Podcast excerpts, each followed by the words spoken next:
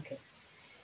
בוקר טוב לכולם, אה, אני מאוד מאוד מאוד מתרגשת היום להיות כאן, כי אה, דבר ראשון זו פעם ראשונה אחרי הרבה זמן שתהיה יכולת להגיב, וההרצאה הפעם אמורה להיות הרבה יותר קצרה.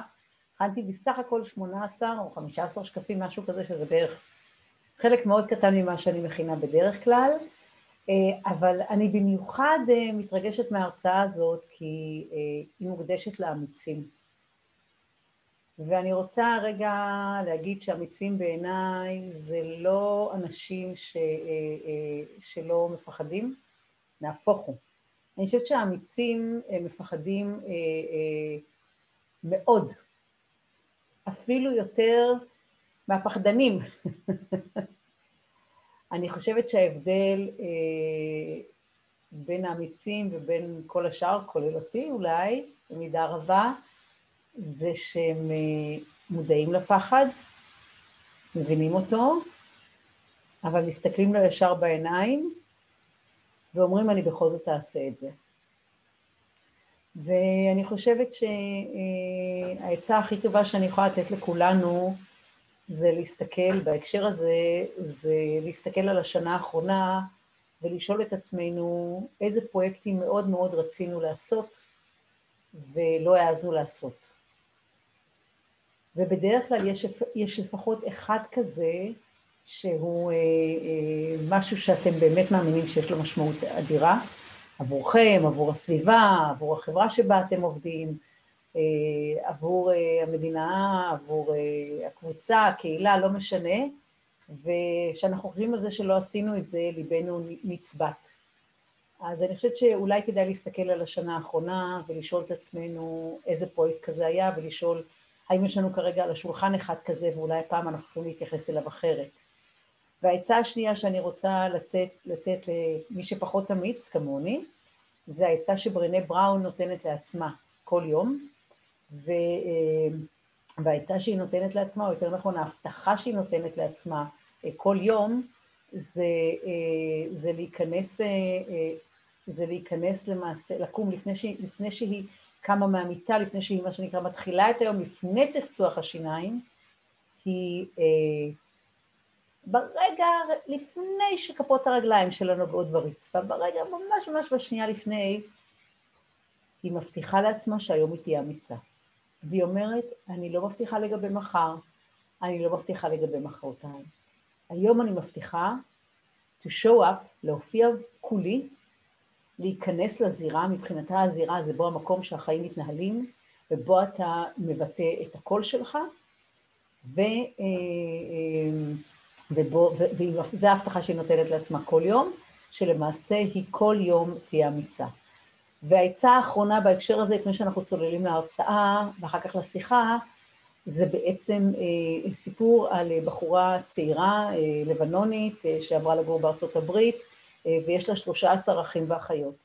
והיא חזרה אחר כך ללבנון והיא מתעסקת באקטיביזם, אבל מה שהיא מספרת זה שאתה חי במשפחה של 13 ילדים, ואם אתה לא, ותמיד משהו קורה שהוא לא בסדר, ותמיד יש משהו שנשבר, משהו התקלקל, אם אתה לא נמצא ליד השולחן, אז uh, uh, תמיד יאשימו אותך. ואז היא אומרת, אני למדתי את החשיבות שתמיד לשבת ליד השולחן, ותמיד לבטא את דעתי. אז אלה הדברים שרציתי לדבר עליהם, ומשום שהיום אנחנו נעסוק באמת גם בחדשנות, ומעבר לכך, בעולם שהכי יקר לליבי, שזה העולם של השיבוש, אז אה, מה שנקרא, אה, זה העצות שאני לוקחת לעצמי ומציעה לכם, ויאללה, בואו נצלול. אז אה, אני רוצה לשתף במסך. אם אחר כך מישהו רוצה אה, את המצגת, תנו לנו רק אה, איתות, אנחנו נדאג להעביר את זה. אני כאן, נכון? אני בסדר? אוקיי, פנטסטי. טוב, אז אני לא מתעכבת כאן כרגע על הנושא של ה-innovation ב-exponential times, כבר דנו בזה מספיק בהרצאות הקודמות, אני רוצה, לגז... מה שנקרא, לצלול, ואני רוצה לדבר על זה שמה שקרה לנו, אה, לפני הקורונה, כשהייתי מדברת עם אנשים, אנשים היו מדברים על זה שיש להם שלושה הייתי אומרת, שלושה אה, אה, אופקים או, או, או, או מרחבים של זמן, או, ולמעשה אה, אנשים היו מדברים על העכשיו, הם היו מדברים על האחר כך, והם היו מדברים על מה שמעבר.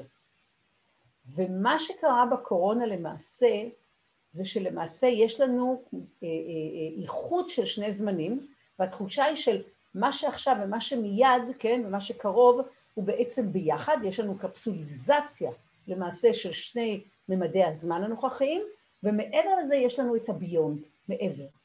ואני חושבת שזה מדגיש עוד יותר, אני חושבת, את הצורך גם בחדשנות, ודיברנו כבר על חדשנות, שחדשנות זה בליבה וחדשנות זה ב-adjacent space, באזורים הקרובים, אבל לדעתי היא הרבה הרבה יותר מדגישה דווקא את הצורך בשיבוש. אוקיי? כי הביונד הופך להיות הרבה הרבה יותר קרוב, קרוב כי למעשה ויתרנו על הצ'אנק של מה שנמצא באמצע, אז אם זה קרוב, אם זה כבר מה שנקרא, אם יש לנו טמפלוז'ן, התקפלות של הזמן לתוך עצמו, ושני אזורי זמן מאוחדים לאחד, למעשה מה שבא אחר כך הוא הרבה הרבה הרבה יותר קרוב.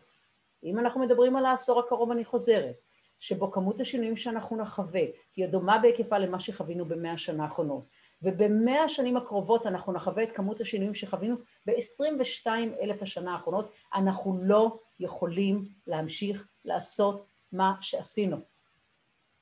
זה לא, זה לא יניב כנראה אף אחת מן התוצאות המקוות. ואני רוצה לשים כאן על השולחן לפני כן הנחה אה, שהיא בעיניי מאוד משמעותית לכל מה שאני אגיד אה, אחר כך, וזה מקופל במשפט הפשוט הזה של What you do is who you are. אה, מי שכתב את הספר הזה, אני ממליצה עליו בחום, אז זה בן הורוביץ, בן, בן הורוביץ הוא השותף של מרק אנדריסון, מרק אנדריסון הוא האיש שבזכותו יש לנו למעשה את האינטרנט, הוא אה, יצר את מה שאנחנו קוראים לו המוזאיק, שזה היה התשתית הראשונה על הארפנט, שזה בעצם הייתה המערכת שהעבירה אינפורמציה בין האוניברסיטאות, וככה למעשה נולד האינטרנט בשנות התשעים, ובן הורוביץ הוא השותף שלו לחלק גדול מהמהלכים שהוא עשה אחר כך, וביחד הם הקימו חברה שנקראת אה, אה, אנדריסון הורוביץ, שזה אחת מהקרנות השקעות ה-VC הכי הכי משמעותיים בעולם. ומה שבן מספר, שכשהוא ישב עם הרבה מאוד אנשים מבוגרים ודיבר איתם לפני שהוא הקים את החברות הראשונות שלו, והוא שאל אותם מה לדעתם הדבר הכי חשוב שהוא צריך לעשות, והוא ציפה שהם יגידו לו, תתעסק במי המשקיעים, תבדוק מי לדעתך צריך להיות במערכת שמאפשרת לך, אה, אה, אה, בבורד שלך, בוא תחשוב מי המהנדסים הכי הכי טובים, ואחד אחרי השני הם חזרו ואמרו לו, בוא תעסוק בתרבות של, מי, של, של הארגון שלך. והוא אומר שהוא לא הבין את זה, ולקח הרבה הרבה מאוד זמן עד שלמעשה בסוף, כמו שהוא אומר, האסימון נפל לו. ובשנה שעברה, אה, אני חושבת, סליחה, בסוף 2019, רגע לפני הקורונה, הוא הוציא את הספר הזה, אני ממליצה לקרוא אותו כי הוא קצת אלים, אני חייבת להגיד, יש שם אה, חלק, מה, חלק מהתיאורי מקרה הם מאוד מאוד מאוד קשים, אבל עדיין יש שם תובנות אה, מאוד מאוד מעניינות ולדעתי כלים מאוד מאוד פרקטיים איך לטפל בהיבט התרבותי, והוא אומר, זה בעצם למדתי שזה הפונדמנטל, זאת התשתית. והוא מתחיל את הספר עם אחד הסיפורים המרגשים ביותר, שאנחנו לא מכירים אותו מההיסטוריה, שבעצם זה על אה, מרד העבדים היחידים שהצליח, אה, וזה יהיה, היה באיים הקנרים אם אני לא טועה, אה, אני מתנצלת, אני תמיד מתבלבלת בכל, בין, בין, בין השמות של האיים, אבל אני חושבת שזה האיים הקנרים, ששם דרך אגב העבדות הייתה הקשה ביותר, והוא מדבר על איך עבד שיצא למעשה אה, לחופשי, הצליח להוביל צבא של עבדים ולהפוך אותם לבעלי אה, אה, קוד אתי והתנהגותי גבוה מאוד, שאפשר לו למעשה למגר את, ה, את העבדות באותו אזור, ולא סתם אלא לחתום הסכם שלום ופעילות משותפת עם ארצות הברית, ומה שנקרא, יש שם את הסיפור הנחמד שבעצם נשיא ארצות הברית כותב, כותב לו מכתב ואומר לו, עונה your humble servant, שזו הייתה הדרך שבה היו כותבים, חותמים. והוא עבד גם, היה לו הסכמים עם צרפת וכן הלאה, סיפור מאוד מעניין, סוף קצת טרגי, אבל הוא בא ומסביר איך באמצעות בניית תרבות אתה יכול לעשות את הבלתי אפשרי. זו נקודה מאוד מאוד מאוד קריטית. אבל הוא גם מסביר שתרבות זה לא כותרות. אני יוצא לי להסתובב בכל מיני מקומות, ראיתי אה, אה, אה, אה, מסרים נפלאים על, על קירות, כן? ו, ו, ו, ובהגדרה של החזון. והוא בא ואומר, ואני חייבת להגיד שאחרי כל כך הרבה שנים של עבודה בעולם העסקי, אני כל כך חושבת שזה מדויק, שמה שאתה עושה זה מי שאתה, ומה שאתה עושה זאת התרבות שלך, זה לא משהו אחר. וכאשר זאת נקודת המוצא, וזאת מה שנקרא, זה המצע שעליו אנחנו בונים את הכל, אני רוצה כרגע להגיד מה אני חושבת שצריך לעשות כדי שאנחנו נוכל להתקדם גם עם היבטים של חדשנות וגם עם היבטים של אה, מה שנקרא של disruption, של שיבוש. אוקיי. בואו נראה מה קורה למחשב שלי. אוקיי. אז דבר ראשון שאני רוצה להגיד, והיה לי דיון על זה, אני לא אכנס אה, כמובן אה, לכל הפרטים, אבל עם ארגון שאני צריכה לעזור להם לחשוב. והם רצו לדבר על הפרקטיקה שבה עונים לשאלה. וליסה קיי סלומון, שהיא אחת המורות שלי ומובילה אה, מודלים של חשיבה בסטנפורד ו-think bank וכן, אה, tank וכן הלאה, היא אומרת שמה שנקרא, הדבר היותר חשוב לפני שרצים לפתרונות, זה להגדיר מחדש את השאלה, יש לה, אתם רואים כאן כותרת, אני מצטטת אותה, זה brainstorming before brainstorming. אנחנו כל כך רוצים לרוץ מהר לפתרונות שאנחנו שוכחים לשאול את עצמנו האם זאת השאלה הנכונה? האם זה, זאת באמת השאלה שאנחנו צריכים להתמקד בה? האם זאת באמת השאלה הנכונה בראייה עתידית? אני רוצה להזכיר לנו שאינוביישן לא מתעסק בכאן ועכשיו, אלא הרבה מעבר לכך. האם זה ייקח אותנו בעתיד למקום שאנחנו רוצים? והאם אנחנו מנסחים את השאלה בצורה נכונה.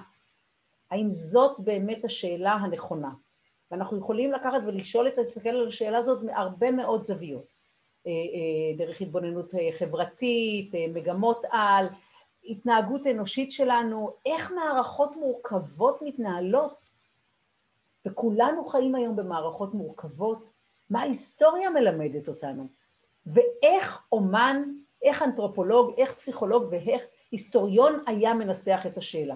וזה כמובן חוזר לשאלה שכבר דיברנו, לנקודה שכבר דיברנו עליה, של מי יושב אצלך בצוות, ודיברנו על זה שאנחנו צריכים שיהיה לנו צוות של יועצים שהם עם ראייה רחבה, שהם אנשים שהם אולי חלקם בכלל לא מומחים, אבל מאוד מאוד אינטליגנטים, או שהם מומחים, אבל בתחומים שונים משלך, ואתה יכול ללמוד ממה שהם מציעים, וכמובן הליימנים, האנשים החדשים שרק נכנסו לארגון ויודעים להצביע לנו, כמו שדיברנו על האנומליות שהפכו להיות נורמה, שזה כמובן אחד המקומות שארגונים לא רואים בדרך כלל, כי הם כבר בפנים, מה שנקרא, יש לנו ראייה אתנוצנטרית, ומישהו חדש שמגיע, אומר, אה, אה, אה, למה אתם עושים את הדברים ככה?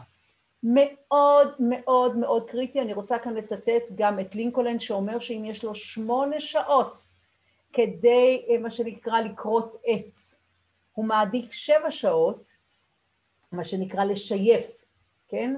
ולהכין את הגרזן שלו, ושעה אחת בלבד להתעסק בעץ. הסיפור של שאלת השאלות הוא קריטי, בעיניי לנו בתוך התרבות היהודית יש עוצמה יותר מגדר הרגיל, שאנחנו למעשה אה, אה, באים מתרבות של גמרא, של פלפול, של למידה, של איפכא מסתברא. המלצה חמה שלי זה להביא לצוות מישהו מהעולם החרדי. שלמד בישיבה וכן הלאה, יש להם יכולות, אני כבר לא מדברת על זה כמה זה חשוב לנו כחברה ישראלית, אני חושבת שהם יכולים להביא כלים אחרים לחלוטין. אני ממליצה להביא מישהו שהוא מהשוליים של הארגון. אני ממליצה לכם להביא מישהו, את המנקה האתיופית אם יש לכם. סליחה על האמירה שעלולה להישמע גזענית, זה חס וחלילה לא הכוונה שלי, אבל התכוונתי למישהי שממש לא נמצאת, שלא בהכרח מבינה את השפה, אבל אם יש לכם מוצר צריכה, או מוצר, מה שנקרא, מה שנקרא אה, אה, לשימוש של אה, צרכנים, אני ממליצה להביא ולשאול אותם, האם זה ישרת אותם ואיך. קריטי, קריטי, קריטי. כל רגע שתשקיעו בלהגדיר ולבדוק האם זאת השאלה הנכונה והאם היא מנוסחת באופן נכון, יחסוך לכם בין שלושה חודשים לחצי שנה לפחות להערכתי בעבודה שלכם, במינימום. אוקיי. אז זהו. עוד נקודה מאוד מעניינת שהשאלה היא שאלה פותחת ולא סוגרת. מאוד מאוד משמעותית. זאת אומרת, כי אם היא סוגרת, המשמעות העמוקה היא שלמעשה אתם, כל מה שאתם עושים זה לשתקף את הנחות היסוד שהיו לכם כבר קודם לכן. אז יש לנו כל מיני מודלים של כלים של לחשוב על שאלות, אני אעבור על זה די מהר, דרך אחרת, דרך אחת שהיא מדהימה ומרגשת בעיניי ומצחיקה מאוד גם, והומור אף פעם לא מזיק לנו, בטח כשמדובר בתהליכים מורכבים כמו חדשנות, זה בעצם התבוננות על העולם דרך זווית ראייה של חייזר. מאיפה זה בא? זה בא מתפיסה שמנחילה לנו אידי ויינר המופלאה, שהיא באה ואומרת שכולנו סובלים מ-educated in capacity, זאת אומרת, כולנו יודעים יותר מדי על מה שאנחנו יודעים. ואז היא אומרת, יש רק שתי אוכלוסיות שלא סובלות מזה, אחת מזה זה כמובן ילדים, כן, בגלל זה הם כל, כל הזמן שואלים למה, למה, למה, ואפשר ללמוד הרבה מאוד מהילדים, והקבוצה השנייה זה חייזרים. אז מה שנקרא, אולי יש לנו כאן כמה חייזרים איתנו, יכול להיות שכן, יכול להיות שלא, בכל מקרה חייזר רואה את הדברים לגמרי אחרת. אז זה מה שנקרא, גם מחייב אותנו לדמיון. long view כמובן, דיברנו על זה כבר לא מעט בהרצאות שדיברנו על להיות מה שנקרא אבות אבותינו טובים, מה שנקרא הסתכלות שבעה דורות קדימה, אוקיי? איך הם יראו, איך הם היו מנסחים את השאלה. Killing question, שימו על השולחן את כל הנחות היסוד של הביזנס שלכם, לצורך העניין, אם אנחנו מדברים על צבא, כן? אז אנחנו מניחים שצבא הוא בכל זאת מה שנקרא מטרתו, מטרתו למשל זה להגן על ידי, מלח... על ידי לחימה, זה בעיקר בכל זאת גברי יותר מאשר נשי, כן? שמי שנמצא שם זה אנשים צעירים, וכן הלאה וכן הלאה, ועכשיו קחו ושימו את זה הפוך, זאת אומרת, מה קורה כאשר הצבא נועד בכלל רק לקדם שלום, מה קורה אם יש בו אך ורק אנשים בני 65 ומעלה, ומה קורה אם זה רק נשים. עכשיו, זה לא שזה מה שהצבא צריך להיות, אבל עצם זה שאתם לוקחים את כל הנחות היסוד ואתם שמים חלופה שהיא הופכית לחלוטין, תאפשר לכם להסתכל על הדברים באופן לגמרי שונה. זום אאוט, זום אין, איפה התעשייה שלנו תהיה בעוד בין 10 ל-20 ו-30 שנה. למה מינימום 10 עד 20 שנה?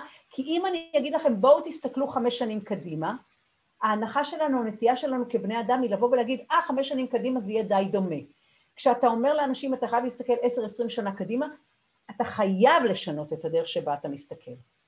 והשאלה שהכי קשה לאנשים, אבל אני חושבת שהיא פנטסטית, זה מי הסטארט-אפ שמחר בבוקר אוכל את ארוחת הבוקר שלי, אוקיי? ואני חושבת שלא כסטארט-אפ, אבל כדוגמה פנטסטית, זה מה קרה אה, אה, עם נוקיה ועם אפל, ולא כדי לספר את כל הסיפור, אלא להסביר שתוך שמונה רבעונים בלבד, נוקיה הפכה מהחברה הכי רלוונטית שמובילה את התחום, לחסרת משמעות כמעט בתחום הזה. הם עכשיו ממציאים את עצמם מחדש באזורים אחרים, עבודה יפהפייה בלי שום קשר, בעולמות אחרים. ו science fiction, משום שאנחנו קשה לנו, אנחנו קשה לנו להיות, לאמץ את הדמיון אלינו כאשר אנחנו מדברים על העתיד, פשוט תביאו שני אנשים שיש להם את היכולת הדמיון שכותבים מדע בדיוני ותספרו איתם ביחד את הסיפור, אוקיי? או שתעשו את זה אתם בעצמכם, גם זאת אפשרות. אני רצה קדימה כי אני רוצה להספיק ואני רוצה לתת גם זמן לדיון, כמו שדיברנו עליו. אני רוצה עכשיו לדבר על אה, אה, מודל חדש של הגדרה של הצלחה. אני, אה, אנחנו נפתח את זה לדיון בהיבטים אחרים אה, במסגרת ההתייחסות למרחב הציבורי בכלל, ועשינו כמה, כמה דברים בהקשר הזה, אבל שומעים יותר ויותר קולות בכלל, גם משם, גם מהאקדמיה, גם דווקא מאנשים שמתעסקים בהגדרה של חיבור בין הטכנולוגיה, בפרט הבינה המלאכותית לעולם שלנו, שמעלה את השאלה האם ההגדרה של הצלחה ששימשה אותנו בחמישים או מאה השנים האחרונות בעולם העסקי, של צמיחה ורק רווחיות פיננסית, האם זה בעצם ההגדרות היחידות הנכונות? כמו שהיום אנחנו יודעים שה-GDP הוא כבר לא, אה, הוא לא מדד מספיק ואנחנו כבר בונים לו כלי מקביל, נשאלת השאלה איך אנחנו צריכים להגדיר מחדש את ההצלחה האישית, הקבוצתית, המחלקתית, כן, ושל כל הארגון שלנו. אז זה אה, נושא מאוד מאוד מאוד רחב, אבל אני שמה אותו על השולחן. כי אם אנחנו מדברים על זה שתרבות זה חזון, זה ערכים, זה מדדים, זה כלי מדידה, אז מה אנחנו, ברגע שאנחנו משנים את ההגדרה של מה למעשה זאת הצלחה, אנחנו כמובן, יהיה לנו פרמטרים שונים להגדרה, ויהיו לנו כמובן כלים שונים להגדרה. זה מאוד משמעותי. מה קורה אם לצורך העניין אנחנו חושבים שאחד הדברים המרכזיים זה שמדד הפחד בארגון שלנו ירד. מה קורה אם אנחנו בונים מדד של רמת השיתופיות והפתיחות והשקיפות בין היחידות השונות? מה קורה אם אנחנו בונים מדד של ירידת מאבקי הכוח בתוך הארגון שלנו? אני מראה לכם, in the spare of the moment, כמה רעיונות שעולים לי, איך אנחנו מודדים בכלל אה, אה, אחרת לגמרי הצלחה, שאפילו נוגעת רק להתנהלות הפנימית של הארגון בפני עצמו. אוקיי. הדבר הבא, אם אתם זוכרים, אני רק אזכיר שיש לנו את השלושה מעגלים של ה-innovation, יש לנו את ה-core, ששם אנחנו שמים 70 אחוז, יש לנו את ה-adjacent, שבו שמים את ה-20 אחוז, ויש לנו כמובן את ה-edges, ששם אנחנו שמים 20 אחוז. חבר'ה, כל קבוצה צריכה לעבוד באופן מאוד מאוד מאוד שונה ובנפרד, ואנחנו כבר דיברנו על זה שהאוכלוסייה שמובילה את המהלך היא שונה לחלוטין, אבל אתם גם צריכים לשים אותם במקומות אחרים בארגון. את האנשים שעוסקים בקור, שזה בעצם מה שנקרא אינקרמנטלי במידה רבה, או עם שינוי כזה או אחר, צריך להשאיר, אפשר להשאיר בתוך החברה. ה-new spaces, מה שנקרא, יכולים אולי להיות מה שנקרא בבניין ליד, אוקיי? אבל אף אחד לא צריך לדעת מה הם עושים, אבל ה-edges חד משמעית לא יכולים לשבת בתוך הארגון, כי מה שיקרה, כי מה שיקרה, המערכת החיסונית, מה שנקרא, מיד תתעורר. מה הם עושים? מה הם עושים שמה שנקרא עלול להפריע ולהפסיק לנו. Okay. אוקיי? עכשיו הדבר הבא הנוסף שאני רוצה להסביר, לגבי ה-edges דיברנו כבר על הארכיטקטים של הכאוס, הייתה לי שיחה אה, מאוד מעניינת עם אה, אה, חברי הטוב, שהוא גם המנטור שלי, פרופסור סם שגיא, והוא אמר לי, יאללה, כשאת אומרת, את מדברת באופן כזה על הארכיטקטים של הכאוס, את עלולה להפחיד הרבה מאוד מנהלים, אמרתי לו, אני אה, מסכימה איתך נכון, וצריך לראות, אבל אני חושבת שחשוב לדעת, אה, אה, כי הוא אומר, אף אחד לא רוצה להתעסק עם הטראבל מייקרים, אמרתי לו, מצוין. אז מה שאני חושבת שאת הטראבל מייקרים האלה, שימו רחוק, הם לא צריכים להגיע בכלל למשרד. הם צריכים לשבת במקום אחר, זה בסך הכל שלושה אנשים, תמצאו להם פינה נידחת בחור אחר. אני רוצה להזכיר לנו שכשעבדו את עבודת הסקאנק ובנו את המטוס, מה שנקרא, מטוס התובלה הגדול הראשון במלחמת העולם השנייה, אוקיי? הם שמו, הם פתחו אוהל קרקס ישן, אוקיי? ושמו אותו ליד אה, אה, אה, אה, מפעל פלסטיק מצחין, כדי שאף אחד לא יתקרב. הסיפור של האדג'ז הכי רחוק, ואל תיתנו להם הרבה תקציבים, תרעיבו אותם, בכל מיני דרכים תרעיבו אותם, כמות האנשים, זמן, כסף וכן הלאה, תרעיבו אותם, זה רק יעודד את החדשנות, אוקיי? כי זה בלאו הכי אנשים שזה מה שמניע אותם, אוקיי? ומה שנקרא, ואנחנו צריכים להבין שיש באמת את המערכת החיסונית. חבר'ה, לכל ארגון יש מערכת חיסונית, ככל שהארגון יותר טוב, המערכת החיסונית שלו יותר חזקה, כי למה לשנות מה שמצליח? למה? ודיברנו כבר על זה שאתה לא רואה בעצם, מתי בעצם אתה יודע שבעצם אתה לפני הקליף, לפני הירידה הדרמטית, לפני הסיכון הגדול, דיברנו על זה, אבל שימו לב, עדיין המערכת החיסונית עובדת, ותזכרו כמה היא חזקה המערכת החיסונית, וכמטאפורה בואו נסתכל על הגוף שלנו, שאנחנו יודעים שהיום שהסכנה הגדולה ביותר, ל, אה, אה, אם יש השתלת לב, זה שהגוף ידחה את הלב, והגוף חכם והוא יודע שאם הוא ידחה את הלב, מה שנקרא, הוא לא ישרוד, ועדיין הרוב הגדול של הניתוחים נכשלים בגלל ההתנגדות של המערכת החיסונית. אוקיי? זה מטאפורה אבל היא ממחישה. אוקיי? שאנחנו צריכים לבנות לנו כמה time horizons, לא אחד, אוקיי? לליבה, אה, ל-adjacents ול-edges, זה שונה לחלוטין. ואני כבר יכול להגיד לכם שהקור אתם יכולים לדבר שאתם רוצים לראות תוצרים בטווח המיידי ולהיות מסוגלים, מה שנקרא, כבר אה, לעשות להם אימפלמנטציה בתוך העבודה לשנה הבאה.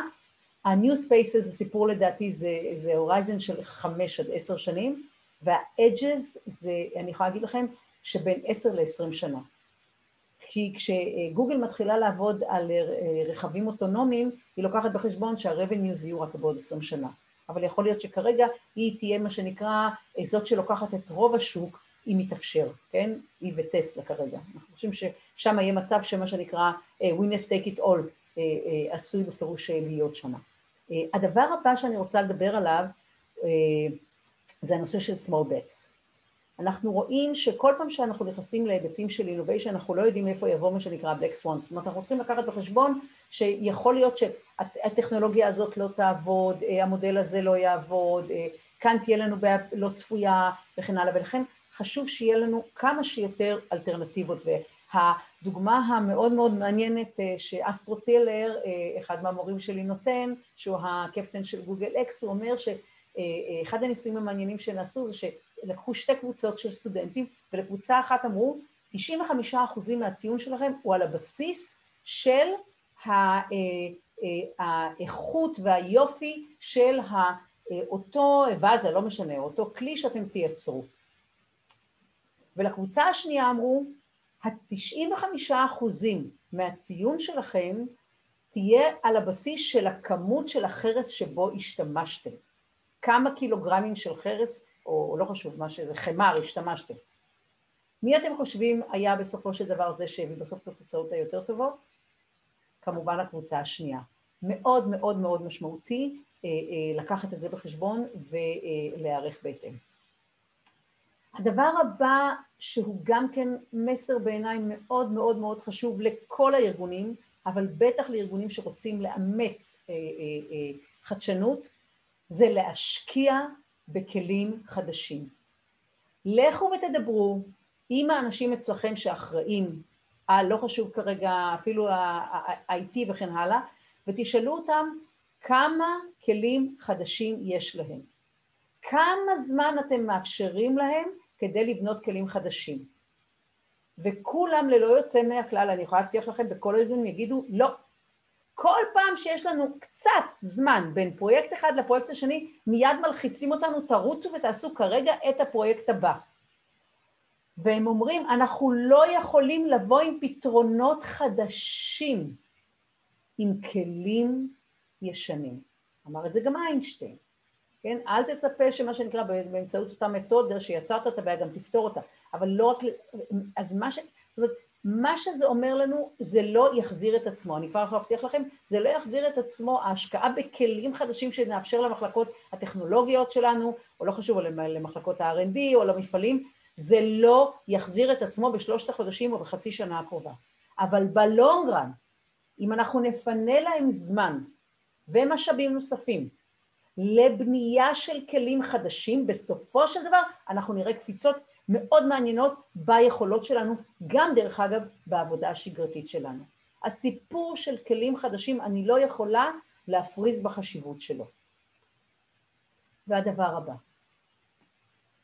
התרבות שלנו מעודדת, לא רק בארגונים, אלא כמעט בכל מקום אחר, את אומרי הכן ולא את אומרי הלא.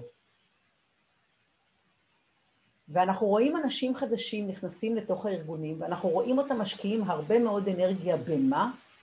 בלדאוג שלא יפטרו אותם. כי כולנו מפחדים להיות מפוטרים, אם נכנסנו לאיזשהו ארגון, זאת לא חוויה נעימה, גם אנחנו צריכים את הביטחון הכלכלי וכן הלאה. ומה שקורה כתוצאה מכך, אנחנו משקיעים הרבה מאוד אנרגיה בלהיות מה שנקרא נורמטיביים ולא להעיז מעבר. וכל עוד אנחנו נעודד את האנשים שלנו להגיד כן ולא להגיד לא, אני יכולה להבטיח לכם שהסיכוי שלנו לייצר חדשנות יקטן וילך. עכשיו, אחד הדיונים המעניינים כרגע שאני אה, עוסקת, אני עוקבת כל הזמן, ככה כל הזמן באוזן, מזווית האוזן, מה שנקרא, על מה שקורה בסין. ויש כרגע אה, סימני שאלה מאוד מאוד גדולים מה יקרה בסין, כי מה שקרה עד עכשיו בסין היה הרבה מאוד חופש עסקי, בצד כמובן תפיסה טוטליטרית, top אה, down מאוד מאוד מאוד מאוד מוגדרת עם גבולות אה, ומה שנקרא פנלטי, עונשים מאוד מאוד כבדים בהיבט הפוליטי והחברתי. אנחנו יודעים שיש כרגע בסין מאה אלף אה, הפגנות נגד השלטון שאף אחד לא יודע עליהן. סין כנראה הולכת ונסגרת, אבל מה שמדהים, כשנשאלת השאלה מה יכול לייצר, להמשיך ולייצר חדשנות בסין, זה היכולת באמת, מה שנקרא, להיות, להגיד לא בתוך הארנה העסקית. ומה שאנחנו רואים כרגע שיש ירידה בסין, המחקרים מראים, אה, אה, בנכונות לקחת סיכונים. זאת אומרת, יש יותר ויותר, נכנסת, גולשת לה התפיסה הקונפורמית שיש להם בחיים החברתיים והפוליטיים, נכנסת גם לעולם העסקי, וזה כמובן סכנה לסין. אה, לא שאני מספצת את סין, אבל אני רק באה ואני אומרת שאנחנו צריכים להסתכל גם על הדברים הללו. אם אנחנו רוצים חדשנות, אנחנו צריכים לתגמל אנשים על זה שהם אומרים לא. אנחנו צריכים לתת להם אה, בונוסים על זה. אנחנו צריכים לקדם אותם, אנחנו צריכים לחגוג את אמירת הלא. אוקיי. ועכשיו אני רוצה להציג לכם את אחד האנשים שבעיניי הוא מאור גדול בכלל עבור האנושות, אסטרו טלר, שמה שהוא עושה כל בוקר, הוא קם בבוקר והוא שואל את עצמו, מה הבעיות הגדולות של האנושות ואיך אנחנו יכולים לפתור אותן. וכל פעם שהוא מתחיל את העבודה הוא אומר, what if. אז בעצם מה שהוא בא ועכשיו ומלמד אותנו, הוא אומר לנו דבר שהוא הכי קריטי. הוא בא ואומר, חדשנות היא בניגוד לאינטואיציה שלנו. כי אם לא, כבר היינו עושים אותה. כל, אנחנו חייבים להבין שכל חדשנות נשמעת, מטופשת, מסוכנת, מיותרת, טיפשית בצורה בלתי רגילה, חסרת אחריות, אוקיי? כאשר אנחנו שומעים אותה פעם ראשונה. אוקיי? וזה נורא נורא נורא קריטי להבין, ואם אנחנו רוצים, ויותר מזה, היא מחייבת לקיחת סיכון. לקיחת סיכון. אנחנו צריכים להיות מסוגלים, מה שנקרא, לשנות את הפרספקטיביות, הפרספקטיבות שלנו כשאנחנו מסתכלים על הדברים. אין חדשנות אם אין storytelling, אם אתם, אל תבואו chart, אין מה לבוא עם צ'ארטים ואין לבוא עם, מה לבוא עם משוואות. מה הסיפור? מה הסיפור, אוקיי? להתנסות, להתנסות, להתנסות, תכף אני אפרט את כל הדברים האלה קצת יותר לעומק, אני רק רוצה להבין מה, רק רוצה לשים את זה, והוא אומר, אתם חייבים להיות מוכנים לעשות שוב ושוב ושוב ושוב ושוב, הוא אומר, עצם העשייה החוזרת ונשנית היא זאת שיוצרת את החדשנות באופן מפתיע, אוקיי? כשאתה עושה את אותו דבר עשר פעמים, רק אז אתה מגיע למשהו טוב. אני רוצה גם להזכיר לנו שאף אחד מהרעיונות הראשונים שלנו לא טובים, ואם אנחנו מסתכלים, יש לנו כאן את העקומה, כן, הקלאסית של גאוס, אז אנחנו יודעים שרוב הרעיונות, מה שנקרא, הטובים הם כאן, בשביל למה אנחנו צריכים לא רק יותר רעיונות יותר טובים, אנחנו צריכים קודם הרבה יותר רעיונות, אוקיי? וכמובן להסתכל מסביב, הוא אומר שאחד הדברים המעניינים שעושות חברות המדיקל זה מחפשות כל הזמן, זה איזה שימושים לא חוקיים יש עם המוצרים שלהם, ובעקבות זה, מה שנקרא, הם מרחיבים, הם באים אחר כך אל ה, אה, אה, למערכת, למערכת הרגולטורית ואומרים, תנו לנו גם כן לכלול את הדברים האלה. נורא נורא מעניין. למה? אה, למשל, אני לא יודעת אם אתם מכירים את הסיפור המופלא שהיה בזמנו עם איקאה. איקאה התפתחה תרבות של האקרים, שלמעשה הייתה לוקחת את המוצרים של, של איקאה ומשתמשת בהם באופן שונה. אז בשלב הראשון, נדמה לי לפני 15 שנה, מה עשתה איקאה כמו כל קורפורט גדול? נלחמה בהם. פשוט מדהים, נלחמה בהם עד הסוף. והיא לא זכתה, כמובן, בבתי המשפט, ואז השלב הבא היה שהייתה, אמרה להם, אתם יודעים מה? בואו נעשה שני דברים אחרים. בואו, אתם, תעשו מה שאתם רוצים, אבל מה שחשוב כשאתם עושים, מה שנקרא, אל תשימו שם את הלוגו של איקאה. ואז היה שם עוד מישהו מאוד מאוד חכם, שבא ואמר, טעות, אנחנו ניקח ונוסיף למילה איקאה את המילה הקר. ובעצם יש פתאום ליין קטן, שונה, והם אפילו, ואז הם לקחו את הקבוצה של האנשים שמובילים את זה, והפכו אותם ליועצים. ועכשיו הם כל פעם מסתכלים מה האקרים עושים, ומכניסים את זה אחר כך לתוך הליין של איקאה. אני לא יודעת אם אתם זוכרים את הימים שכולנו, שהיו את האנשים שהיו פורצים לאייפון, כי רצינו לעשות עוד אפליקציות, נכון? והיה ממש קבוצה שמה שהייתה, הייתה עושה, מה שנקרא, פורצת לאייפונים כדי להיות מסוגלים להוסיף לשם עוד אפליקציות. הסיפור הזה של מה הסיפור, מה השימושים השונים שעושים עם המוצרים שלנו, אוקיי? זאת אופציה ללמוד אה, אה, אה, הרבה מאוד דברים שאנחנו בכלל לא מזהים שהם יכולים להיות איזה שהם, הזדמנויות עסקיות בשבילנו. אתן לכם שתי דוגמאות מאפריקה. הדוגמה הראשונה, מסתבר שבאפריקה, אה, משום שיש כרגע בעיה של כדור, שמה שנקרא, אין עדיין פריסה, אנחנו עוד לא, לא גמרנו לפרוס את ה-G5 באמצעות הלוויינים וכן הלאה, אז מה שקורה כרגע, יש אזורים שאתה לא יכול, מה שנקרא, לקבל מהם קליטה. אז קבוצה של יזמים קטנים, תקשיבו, זיהתה שעל עצים מסוימים יש קליטה, אז מה שהם עשו, הם בנו סולמות, והם מזכירים את הזמן על העץ, כולל השימוש על הסולם, כדי לאפשר לאנשים, מה שנקרא, לשמוע, אוקיי? בבקשה, שימוש אחר בעצים. סיפור אחר, אנשים שנמצאים בשדות, עובדים בשדות, אין להם יכולת כרגע לקבל, לשמוע, לקבל הודעות, אז יש שירות מיוחד, משאיות קטנות שעוברות פעם ביום במערך מסוים של שדות, אוספת את הסלולרים, לוקחת אותם לעיר, לחנות ספציפית, אוקיי? שם הם מוטענים וגם מורידים את כל ההודעות ואז חוזרים לשדה. עכשיו, אני סתם מראה את זה כדוגמה של, אתה מסתכל ואתה אומר, מה השימושים האחרים שעושים, זה אחת הדוגמאות אה, המעניינות. אה, יש לנו כמובן כרגע, אנחנו יודעים שהוויאגרה, דרך אגב, הייתה תרופה בכלל למשהו אחר, ואז במקרה הסתבר שיש לה את ההשלכות הללו על אה, מה שנקרא, על העונות הגברית, אני מקווה שאני לא פוגעת כרגע באף גבר, ובעצם, בקיצור, אנחנו רואים את זה שוב ושוב ושוב, את הסיפור הזה. אוקיי. אם אתם קוראים לצוות שלכם לחדר, ואתם אומרים לו, אנחנו רוצים להוריד את המחיר של המוצר הזה בעשרה אחוזים, אין שום בעיה, לוחצים על הספק הזה, על הספק ההוא וכן הלאה, שום בעיה. אם אתם רוצים, אם אתם רוצים להוריד את זה ב-30 אחוזים ואתם קוראים לצוות, למהנדסים, אה, לאנשי, האנשים שמטפלים בלקוחות וכן הלאה, ואתם אומרים, אנחנו רוצים להוריד את זה ב-30 אחוזים, הם יגידו לכם מיד, לא יקרה, בלתי אפשרי, זה יותר מדי, זה, זה אי אפשר, זה מסוכן לנו, זה יגרום לנו לתביעות משפטיות וכן הלאה וכן הלאה. מה קורה אם שבוע אחר כך אתם קוראים להם לחדר ואתם אומרים להם, תקשיבו, המתחרה המרכזי שלנו, זה שנמצא שם מעבר לכביש, כן, זה שמטריד את מנוחתנו, בגללו אנחנו לא ישנים טוב בלילה, יש לנו מה שנקרא מידע מוקדם שהוא הוריד את זה ב-30 אחוזים, בדיוק מה שדיברנו עליו בשבוע שעבר. זה ייקח לצוות שלכם שבועיים בלבד. אני יכולה להבטיח לכם לחזור לחדר, לדפוק על השולחן ולהגיד מצאנו דרך להוריד את זה ב-35 אחוזים. למה? לא משום שהם עצלנים, בשום פנים ואופן, ולא משום שהם לא מוסריים, בשום פנים ואופן. אבל משום שאנחנו כל כך חסרי דמיון לגבי העתיד, הם היו צריכים הוכחה שזה אפשרי. וברגע שאנחנו עזרנו להם, אנחנו בנינו להם גשר בין המוכר והידוע ללא מוכר המסוכן, אוקיי? ונראה, ומה שנראה בלתי אפשרי, הם יכולים כרגע בעצמם לעבור על הגשר.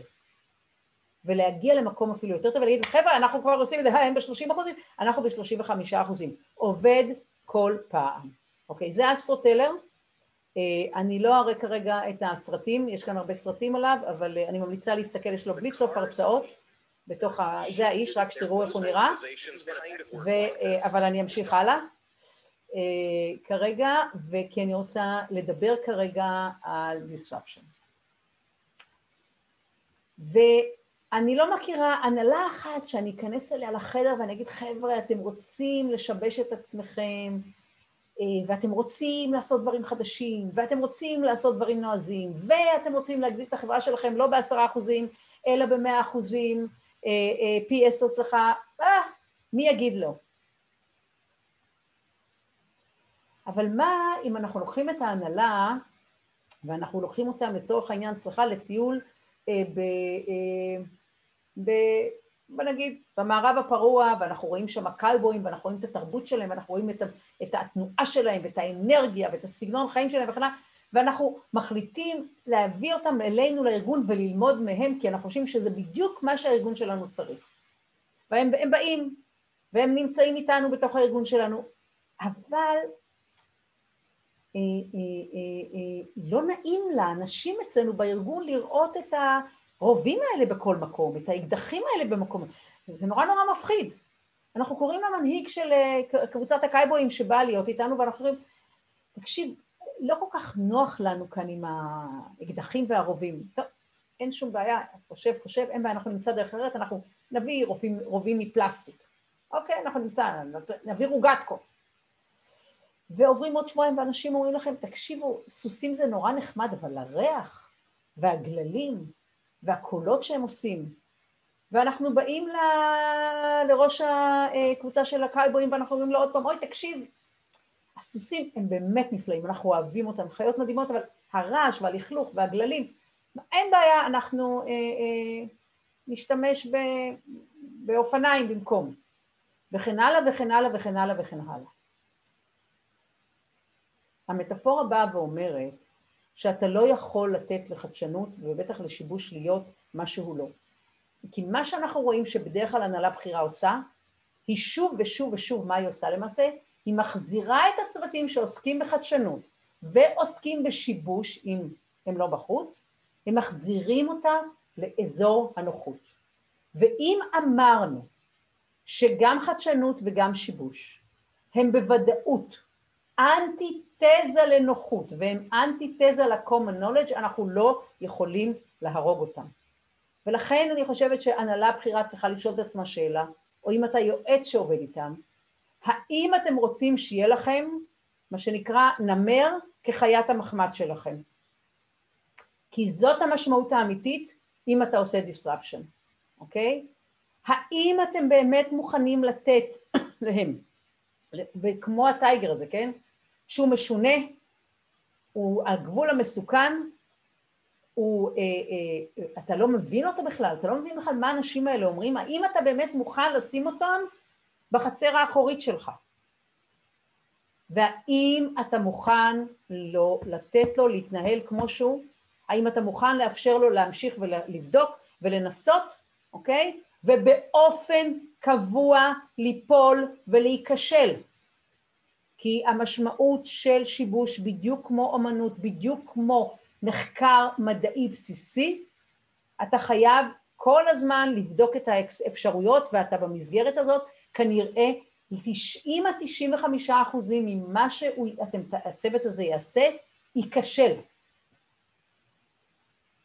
וזה לחתום על התחייבות שהיא בניגוד לדעה הרווחת שלנו. ואם כרגע אני אשאל כל אחד מאחד מכם, כרגע אני נותנת לכם הזדמנות לעשות פרויקט שבטוח יוסיף לכם מה שנקרא 100% לחברה בעוד ארבע שנים, או אם אני נותנת לכם הזדמנות להגדי, להביא רווחיות שגבוהה פי אלף, או פי אלפיים, או פי עשרת אלפים, תוך עשור, אבל הסיכויים הם מה שנקרא מאוד נמוכים, כאן זה במאה אחוזים בוודאות מאוד מאוד גבוהה, וכאן זה מה שנקרא באופן אקספוננציאלי, אבל בש, מה שנקרא בשיקויים מאוד מאוד נמוכים, רובנו נבחר באלטרנטיבה הראשונה, כי אנחנו כבני אדם, אנחנו risk cover, אנחנו לא אוהבים סיכונים.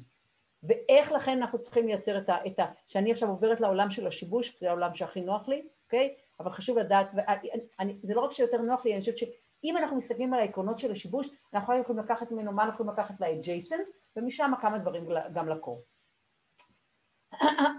הסיפור זה אנשים, זה לא רעיונות, וצריך שיהיה לנו עוד שני סוגים של אנשים. או אנשים שמה שנקרא, מסוגלים מה שנקרא, אה, למרות שהם לא מאמינים, אוקיי? בסוף להאמין. מה שדיברנו עם הדוגמה כאן, מה שנקרא עם הגשר שבנינו בהקשר של ה-innovation ב-30 אחוזים. חיסכון, זו הדוגמה ספציפית. עכשיו, יש קבוצה אחרת של אנשים שהיא עיוורת, היא בדרך כלל עיוורת ל obstacles, היא עיוורת למכשולים. זה אנשים סופר סופר סופר סופר נדירים, רובם לצערנו לא יודעים לבנות דברים. אבל אני רוצה לספר לכם בשנייה על מישהו שהוא כן אה, אה, אה, לא עיוור, מה שנקרא עיוור ל obstacles, והוביל את העולם למעשה למהפכה של הבינה המלאכותית, וזה פרופסור הנטינגטון, שהוא בכלל פסיכולוג שעבר, בסופו של דבר רצה להתעסק באיך המוח עובד, ובסוף בעצם הפך להיות האדם שפתח וברא כרגע את כל המודל של Deep Learning בצורה שהיום משתמשים בה. והוא לקח רעיון שכבר, מה שנקרא, קברו אותו, קברו אותו בסוף שנות ה-60, של עבודה של, של, נורונט, של עבודה באמצעות נוירונט, ובעצם מערכת ש, כמו מערכת של נוירונים כמו שהמוח שלנו עובד, וארבעים שנה, מה שנקרא, אנשים, מה שנקרא, מחקו את הרעיון הזה, לא השתמשו בו, והוא המשיך לעבוד עליו כי הוא האמין בו, אוקיי? אתם צריכים לחפש אנשים שמניע אותם משהו שהוא הרבה הרבה הרבה מעבר לאגו שלהם וגם מעבר לרווח. גם כספי. רווח כספי, אני יכולה להבטיח לכם, הוא לא מספיק כדי לעזור לך להתמודד עם כל הקשיים שיש בדרך. אני חושבת שהדוגמה הכי מעניינת היא אותו, אוי, שכחתי את השם שלו, תכף אני אזכר, אותו, אותו פרופסור מהרווארד שהיה גם איש מאוד בכיר בצבא ארה"ב שקיבל תקציבי ענק מממשלת ארה"ב כדי להמציא את המטוס הראשון. הוא עובד במעבדות הכי מתוחכמות, עם המדענים הכי טובים, שובל של אנשי תקשורת מאחוריו, ובצד השני האחים רייט, חנות של אופניים, ממשכנים כל שקל שיש להם, קמים, אוכלים מה שנקרא מעט מאוד וכל היום באופן אובססיבי מתעסקים בסוגיה של האם אנשים יכולים לעוף וכמה ואיך. וכמובן את אותו יום מופלא, נדמה לי שזה היה, אל תתפסו אותי, מנובמבר, נדמה לי 17 בנובמבר 13, בפעם ראשונה מצליחים לעוף, אל תראו, 2006, סליחה, 2003, 1903, אני מבולבלת בתאריכים, תסלחו לי, הם, מתחיל, הם מצליחים לעוף. פעם ראשונה זה נדמה לי 30 שניות, ואחרי צהריים זה פעם ראשונה זה 43 שניות. למחרת האיש הזה שומע על זה, והייתם מצפים שמה שהוא יעשה זה ייקח את כל הכסף, את כל המשאבים שיש לו, וילך לעבוד עם האחים רייט. מה הוא עושה? הוא נעלם. אגו ומחשבה אחרי רווח כספי בלבד, לא מוטיבציות מספיק חזקות בעיניי, ואנשים שמסוגלים כל הזמן לחשוב ולחשוב ולחשוב ולחשוב מחדש, שהם לא מה שנקרא, הם לא הופכים את הדעות שלהם לאידיאולוגיה שלהם. ורובנו יש לנו נטייה כזאת. ומוכנים ללמוד וליפול וליפול וליפול וליפול כדי ללמוד. הם מבינים שהדרך היחידה ללמוד, וזה בעצם, זה לעשות reframing לכל הסיפור של למידה ו reframing לכל הנושא של כישלונות, אוקיי? זאת אומרת, את כדי, אם אתה רוצה ללמוד, אתה חייב בדרך לדעת שאתה תיפול שוב ושוב, ואני רוצה להזכיר לנו, למי ששוכח איך זה נראה, ולהסתכל על תינוקות שמתחילים ללכת. הם כל הזמן נופלים, והם מקבלים מכות, והם בוכים. אבל אני לא ראיתי תינוק אחד שנשאר לשבת על הרצפה מגיל שבעה, שמונה, לא חשוב, שנה, מתי שהוא התחיל לראות, עד גיל שלושים, והוא לא קם. הוא לא קם, והוא לא, כי הוא לא מוכן להתמודד עם זה. אנחנו צריכים לחזור וללמוד ממי שהיינו ומהתינוקות שלנו. והדבר הבא, הם הופכים את זה לעניין שלהם לא להתעניין במה החברה עושה. חד משמעית. חד משמעית. ואז או שאתה צריך לבלות איתם זמן, או שאתה צריך לבנות מטריקסים להצלחה שלהם אם אין לך זמן. אוקיי. וכשאנחנו מדברים היום על מונשט, בעצם אנחנו באים ואומרים שיש לנו רעיון גדול, יש לנו, סליחה, יש לנו בעיה גדולה שאנחנו רוצים לפתור, יש לנו רעיון רדיקלי לאיך לפתור אותה, ואנחנו, יש לנו כרגע פתרון טכנולוגי שלא היה לנו קודם. ואנחנו צריכים לבוא עם הסיפור, זאת הבעיה, זה הרעיון הגדול איך לבנות את זה, ומה הנשק הסודי שלנו. מה זה, טכנולוגיה, דאטה, אה, אה, איזשהו ידע חדש, תפיסת עולם, לא משנה מה, מה, מה שונה. ומה שצריך לעשות זה בעצם מה שנקרא, אה, איך, איך הפתרון הזה, או איך הנשק הסודי הזה יאפשר מה שנקרא לבעיה הטכנולוגית, כן, או הבעיה האחרת, להיעלם או לפחות להיות אה, אה, פחות משמעותית. מאוד מאוד משמעותי. הדבר הבא, למה דווקא עכשיו? עכשיו, כאן יש תהליך לוגי מאוד מאוד מעניין. כשאנחנו הולכים לפתור איזושהי בעיה גדולה, אנחנו צריכים לשים את כל ההנחות, מה שנקרא, של מה שנקרא, אה, שאנחנו הולכים, אה, אה, שעומדות, מה שנקרא, כאשר אנחנו באים לפתור את הבעיה. אנחנו צריכים להחליט איזה הנחות אנחנו הולכים לשבור. וחבר'ה, אם באים אליכם יותר מאשר עשרה אחוזים, לא ילך. גג, גג, גג חמישה אחוזים. עכשיו, את החמישה אחוזים האלה של ההנחות שאנחנו הולכים לשבור, אנחנו צריכים להסביר איך אנחנו הולכים לשבור אותם. אבל לעומת זאת, בכל שאר הנושאים, בכל ה-95 אחוזים הנחות יסוד שרשמנו, אוקיי? אנחנו הולכים לעקוב בדיוק כמו, אה, אה, הייתי אומרת ממש כמו אנשים דתיים, אחרי ההנחיות על ה-best practice שהמומחים מובילים בתחום הזה.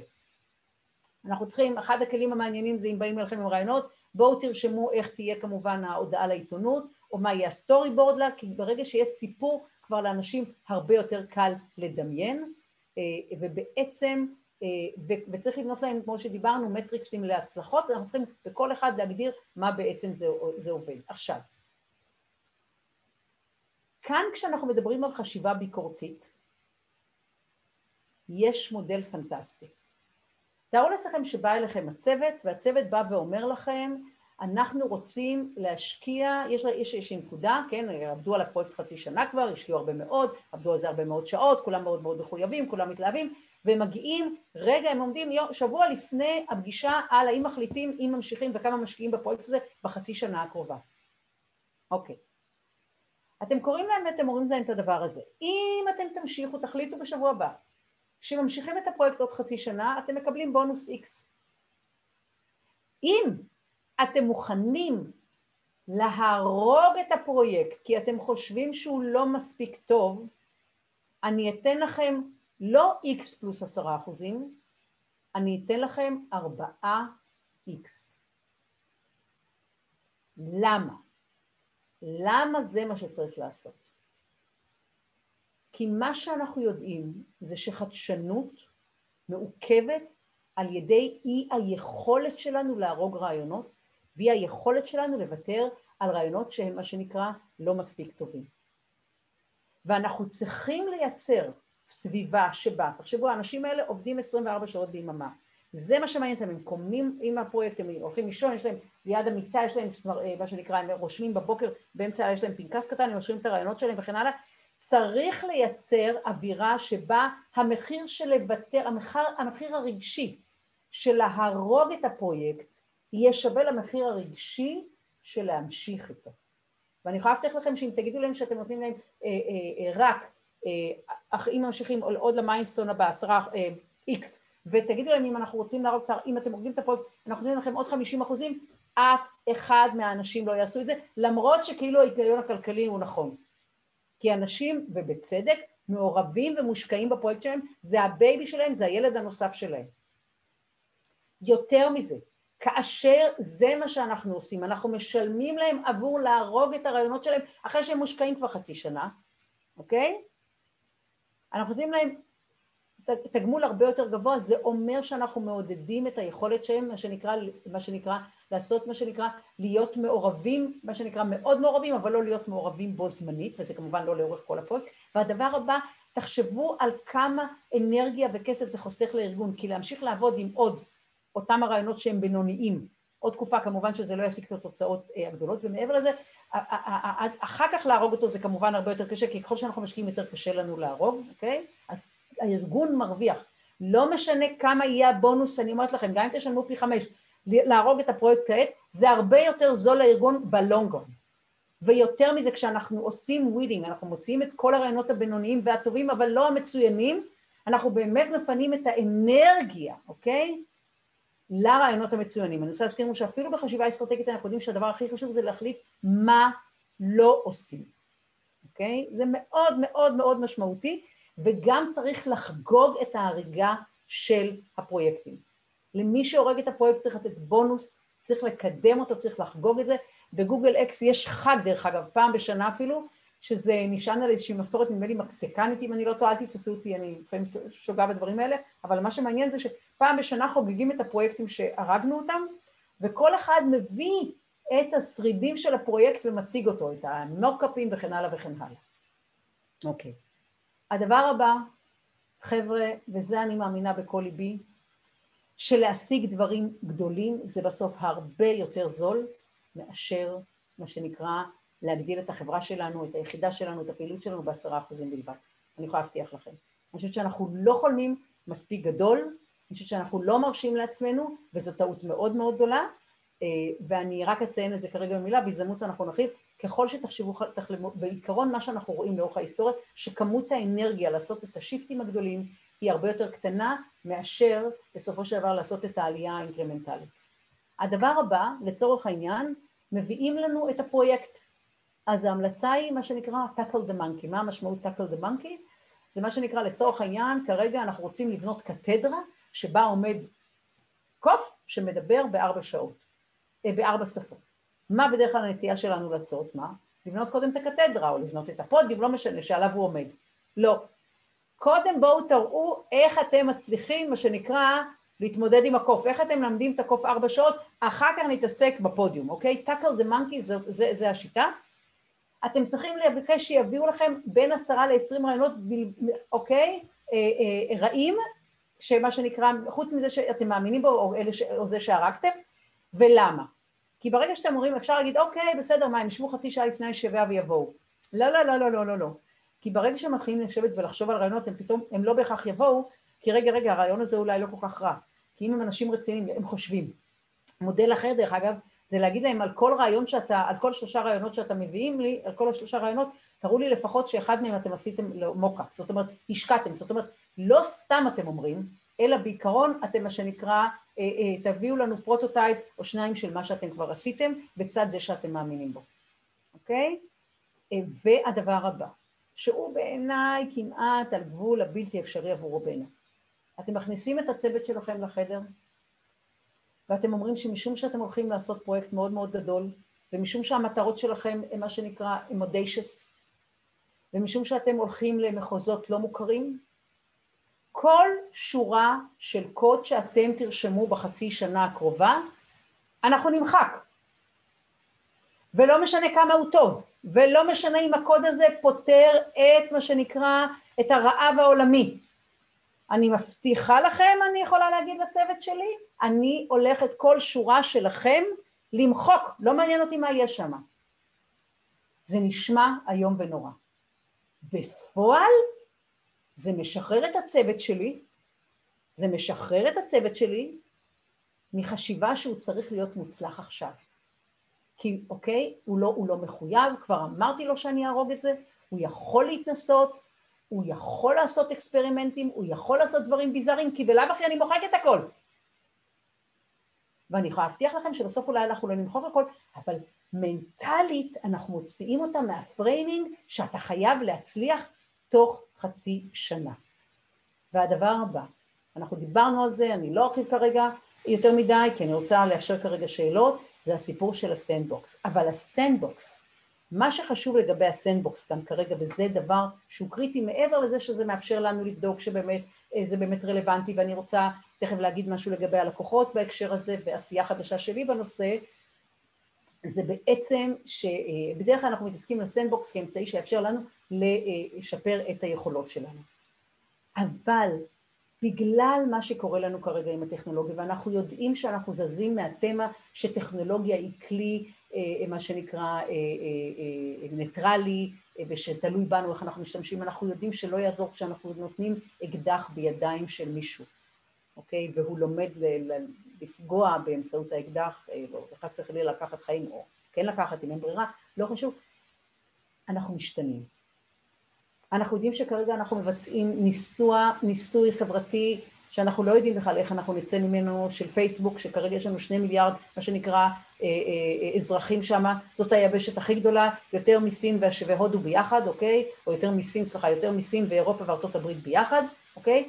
ואנחנו לא יודעים איך אנחנו משתלטים על זה. והמחשבה של מה שנקרא, תתקדם מהר, תשבור דברים, תזרוק טכנולוגיות לחלל, ונראה, ואחר כך נראה מה התוצרים, ואם יש בעיה נתקן אחר כך, לא עובד יותר. ולכן הסנדבוקס, אם אנחנו רוצים לפתח דברים שבאמת מבטאים גם אחריות עמוקה לאנשים שלנו, לחברה שבה אנחנו חיים, לחברה האנושית בכלל, אנחנו חייבים לעשות בדיקה מקדימה כדי לבדוק אם יש איזה שהן השפעות שליליות לא רצויות שצריך מראש לדעת אותן ולתקן אותן לפני שאנחנו באמת עושים לאונצ'ינג אה, אה, למכשיר. עכשיו, אני בדרך כלל לא אוהבת לדבר על עצמי, אבל אני רוצה להגיד לכם איזו תובנה מאוד משמעותית אני מגיעה אליה יותר ויותר.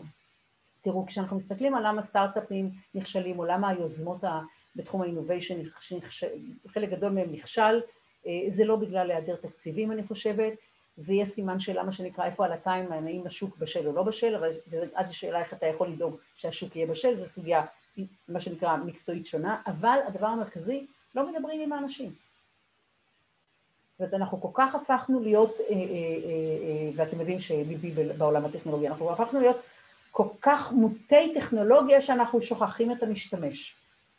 ויותר ויותר אני מאמינה שככל שאנחנו נכניס את הלקוחות הפוטנציאליים ללופ, ואנחנו נעבוד איתם על ה-job needs to be done שאנחנו רוצים לעשות, אנחנו נעשה את זה. ואני יותר ויותר, באופן פרדוקסלי, מבלה היום את חיי באופן שונה מאשר עד עכשיו, אני מבלה 70 אחוז באמת בעולם הטכנולוגי ובחשיבה על העתיד וכן הלאה, אבל אני יותר ויותר מפנה כרגע זמן לחזור ולעשות דברים שאני כבר לא עושה, קרוב לכמעט 20 שנה אני לא עושה באופן שיטתי, וזה לחזור לטכנולוגיה, מה שנקרא למתודה שהיום אנשים כמעט לא משתמשים בה, או לא משתמשים בה בצורה נאותה, של קבוצות מיקוד וראיונות עומק, אבל ארוכים, ממושכים של שעתיים שלוש, של להבין את שאלות הלמה, כי כל המחקרים הכמותיים וכל הפלטפורמות החדשות כרגע שהן נפלאות לעשות לנו tracking, הן בעיניי עדיין פחות טובות לתת שאלות, את התשובות לשאלות האמוציונליות של הלמה, ואני חושבת שהעוצמה האדירה של עבודה טכנולוגית,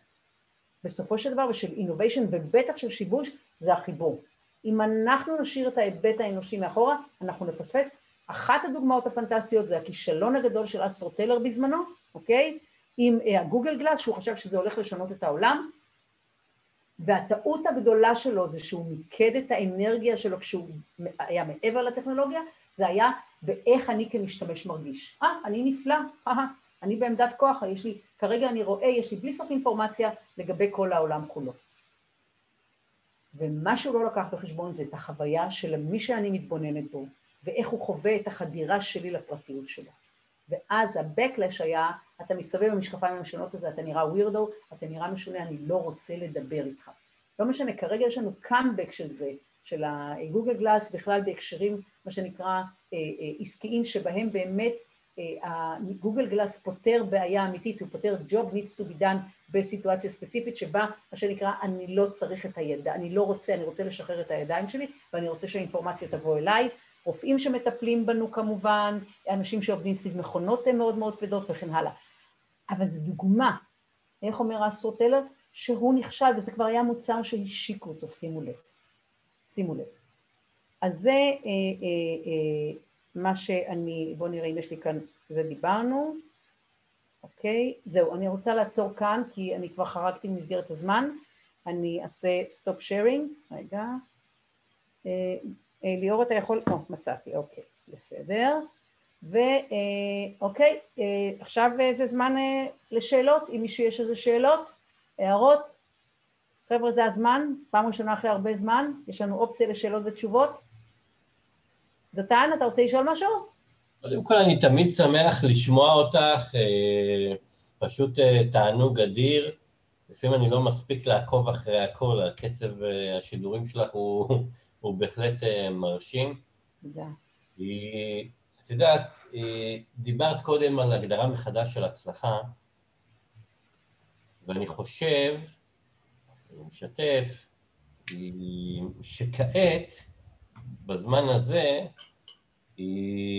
אחד המרכיבים החשובים הוא בעצם להבין את הסיטואציה של uh, from this, uh, בוא נגיד, הטרנזישן שאנחנו נמצאים בו היום כעת, עכשיו ובשנתיים הקרובות, אני לפחות, from disruption to the next new normal, מה שמגיע, היא, והגדרה מחדש כעת, להבין אותה ולעשות את הצעדים ה... גם האישיים וגם העסקיים הנכונים, הוא, הוא, זה משהו קריטי. זה משהו בהחלט קריטי. אני באופן אישי משתף גם את הילדים וגם אה, את הסביבה שלי, גם תוך כדי הקורונה. ואומר, חבר'ה, הנה, זה מה שאני עושה, ואומרים לי, כמו תמיד, מאז ומתמיד, שאני משוגע ואני... איך אני מעז אה, לעשות דברים, אגב, אני כבר עשר שנים משוגע ועושה דברים שהם הרבה יותר אה, מעז, אה, אבל זה באמת הכאן ועכשיו, אני חושב שחלק מההצלחות המקומיות זה להבין איך אני עושה את הטרנזישן הזה, כאילו איך אני באמת לוקח גם את העסק שלי וגם מתאים את כל מה שנאמר פה וגם בהרצאות הקודמות.